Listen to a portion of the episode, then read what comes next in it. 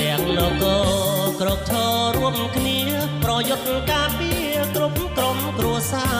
ប្រឆាំងវិរុសឈ្មោះកូវីដ -19 ដែលគេហៅថាកូវីដ -19 ដែលមានឈ្មោះថា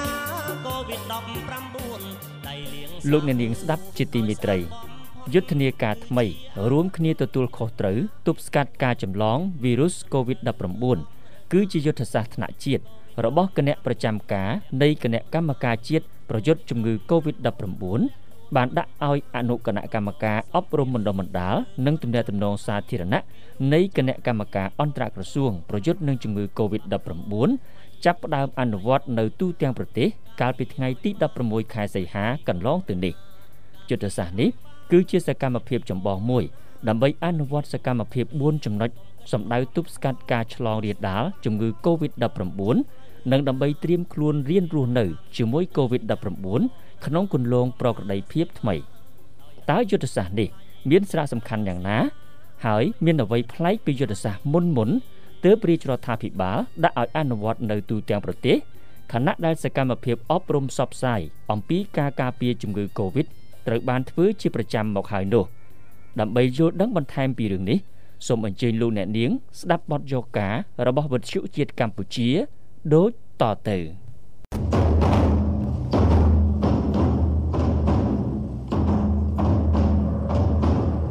រួមគ្នាទទួលខុសត្រូវទប់ស្កាត់ការចម្លងវីរុសកូវីដ 19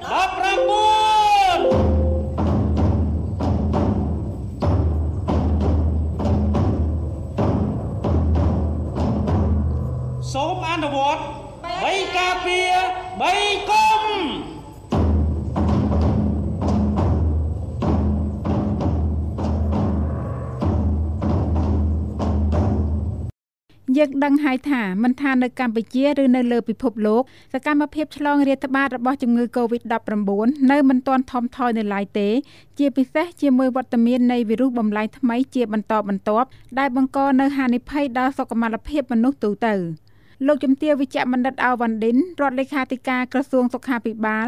និងជាប្រធានគណៈកម្មការជាតិចំពោះកិច្ចចាក់វ៉ាក់សាំង COVID-19 ក្នុងក្របខ័ណ្ឌទូទាំងប្រទេសបានមានប្រសាសន៍នៅក្នុងសន្និសីទសារព័ត៌មានស្ដីពីយុទ្ធនាការរួមគ្នាទទួលខុសត្រូវទប់ស្កាត់ការចម្លងវីរុស COVID-19 ថ្ងៃទី16ខែសីហាឆ្នាំ2021ថាវិធានការការពារទប់ស្កាត់ការចម្លងមិនមានការប្រែប្រួលនោះទេដោយត្រូវអនុវត្តវិធានការសុខាភិបាល3ការពារនិង3កុំឲ្យបានម៉ត់ចត់ហើយទៅទទួលវ៉ាក់សាំងឲ្យបានលឿនបំផុតទៅតាមវេនរបស់ខ្លួនលោកជំទាវបានបន្ថែមថាអ្វីដែលប្រែប្រួលនោះគឺប្រជាពលរដ្ឋមានការយល់ច្រឡំថាពួកគាត់មានហានិភ័យទាបក្នុងការចម្លង និងការធ្វេសប្រហែសក្នុងការការពារហើយមានភាពនឿយណាយជាមួយនឹងការផ្ទុះរាតត្បាត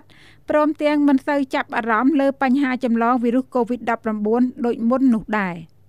ដូច្នេះការប្រកាសយុទ្ធនាការនេះពេលនេះដើម្បីពញ្ញាក់ស្មារតីអំពីគ្រោះថ្នាក់នៃការរាតត្បាតការចម្លងវីរុស COVID-19 ដែលអាចផ្ទុះឡើងទ្រង់ទ្រាយធំក្នុងសហគមន៍បានគ្រប់ពេលវេលា ដែលទាមទារឲ្យមានការចូលរួមទទួលខុសត្រូវទាំងអស់គ្នាពីបុគ្គលគ្រួសារសហគមន៍ស្ថាប័នពាក់ព័ន្ធសេវាឯកជននានាដើម្បីទប់ស្កាត់ការចម្លងវីរុស COVID-19 មុននឹងអ្វីៗយឺតពេលបុគ្គលម្នាក់ម្នាក់គ្រួសារនីមួយនី មួយមានតួនាទីសំខាន់បំផុតដូចគ្នាក្នុងការទប់ស្កាត់ការចម្លងវីរុស COVID-19 លោកជំទាវវិជ្ជបណ្ឌិតអវណ្ឌិនបានលើកឡើងទៀតថាប្រជាពលរដ្ឋត្រូវយល់ថាតើអ្នកណាខ្លះដែលត្រូវរួមគ្នាទទួលខុសត្រូវហើយត្រូវរួមគ្នាបែបណាប្រសិនបើប្រជាពលរដ្ឋមិនយល់កន្លែងនេះទេការអនុវត្តនៅវិធានការការពាររបស់យើងគឺធ្វើមិនបាននោះទេដោយសារតែមិនយល់ច្បាស់ថា អ្នកណាខ្លះដែលត្រូវធ្វើ លោកជំទាវវិជ្ជបណ្ឌិតបញ្ជាក់ថាប្រជាពលរដ្ឋគ្រប់រូបត្រូវរួមគ្នាប្រយុទ្ធប្រឆាំងជំងឺ Covid-19 ទាំងអស់គ្នាបន្ថែមទៀតដើម្បីឲ្យស្ថានភាពនៅកម្ពុជា មានភាពល្អប្រសើរឡើងវិញ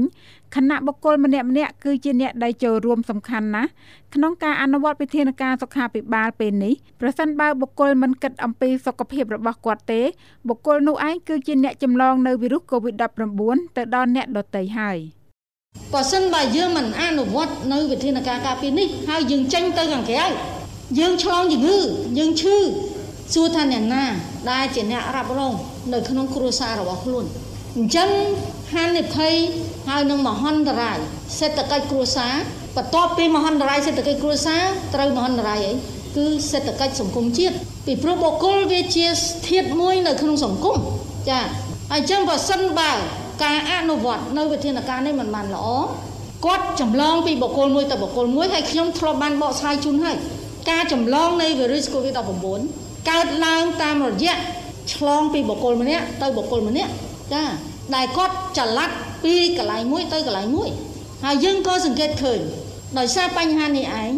បានជាបុគ្គលជាច្រើនគាត់នៅតែចល័តគាត់នៅតែទៅនេះទៅនោះដើរកំសាន្តពាក់ម៉ាំង ត្រឹមត្រូវដំរើតាមក្បួនកូវីដ19 លាក់ខ្លួនមិនបានកូវីដ19 លាក់ខ្លួនមិនបានរមកសំពះយើងមិនចាប់ដៃពីរុងចង់រៃពុំឆ្លងដល់លោកស្រីផលគុណជាប្រជាពលរដ្ឋរស់នៅខេត្តកណ្ដាលបានលើកឡើងថាការចូលរួមគោរពវិធានការការពារគឺជាកាតព្វកិច្ចរបស់បុគ្គលម្នាក់ម្នាក់ដែលត្រូវអនុវត្ត រួមគ្នាទប់ស្កាត់ការចម្លង COVID-19 មិនមែនត្រឹមតែជាភារកិច្ចរបស់ថ្នាក់ដឹកនាំនោះទេ គឺប្រជាពលរដ្ឋខ្លួនឯងដើរតួនាទីសំខាន់ណាស់ក្នុងយុទ្ធនាការនេះក្នុងនាមយើងប្រជាពលរដ្ឋអញ្ចឹងក្នុងបរិបទកូវីដគឺយើងត្រូវតែចូលរួមមួយរដ្ឋាភិបាលអនុវត្ត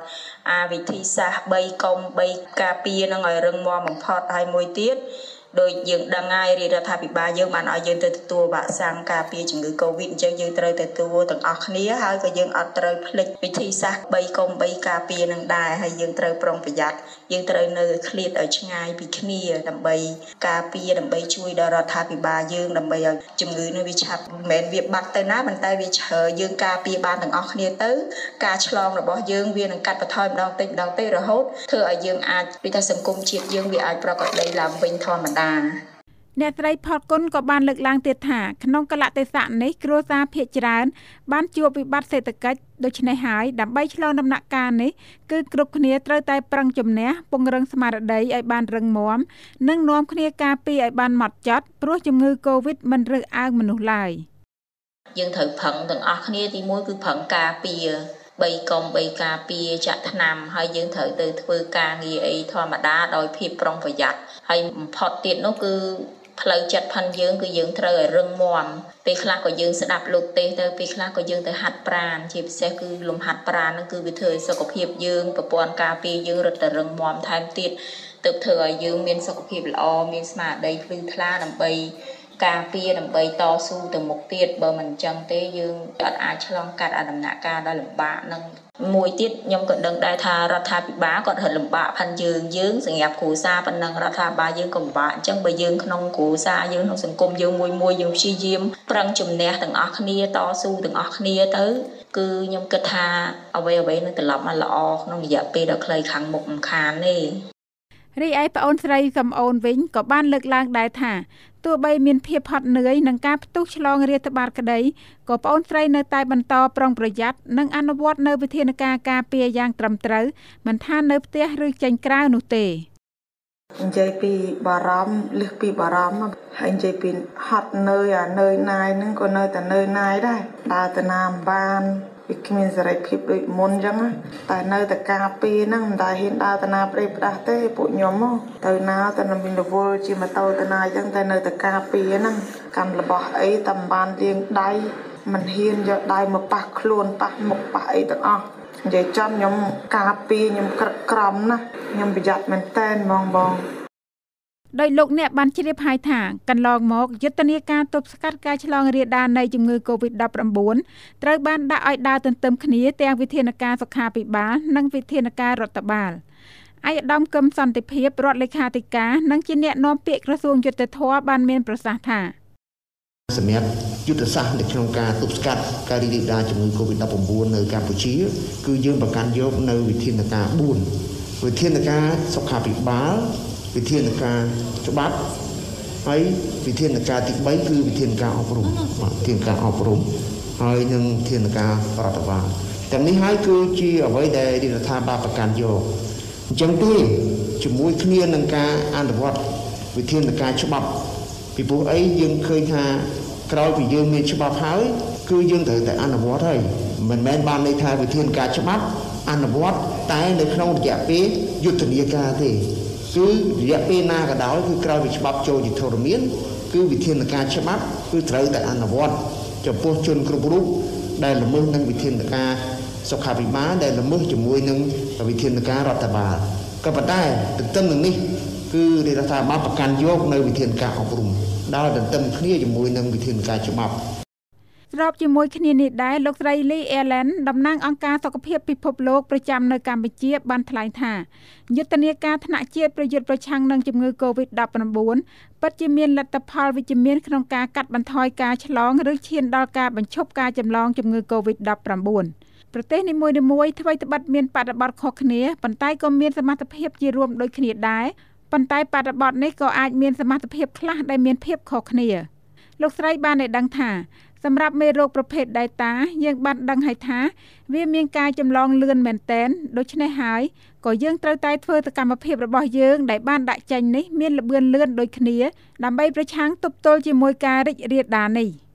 In Cambodia I think this is the perfect timing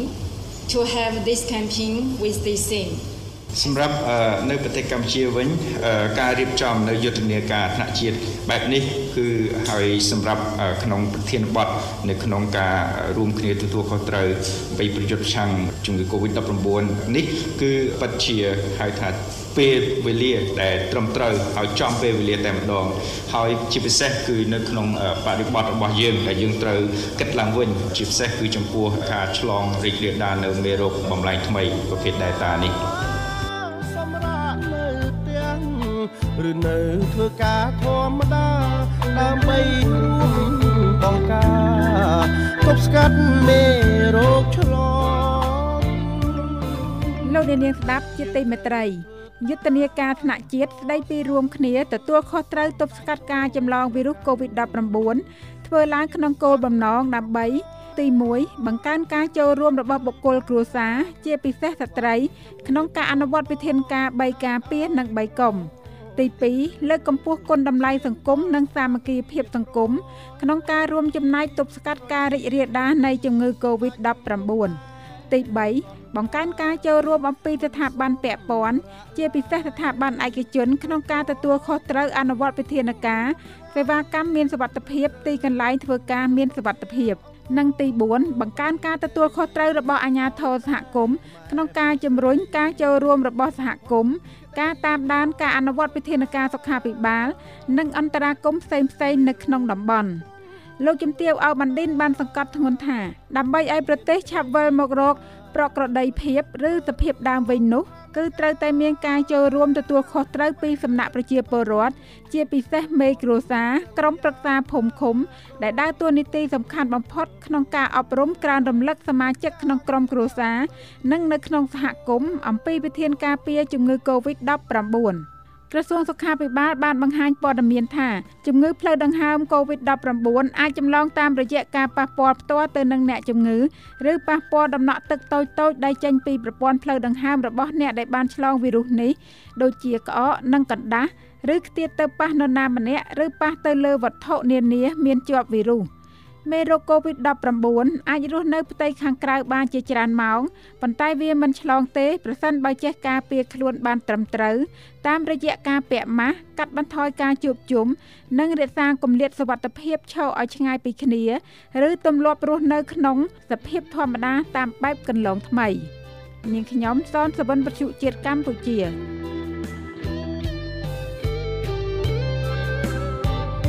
ក៏ជាមានទុក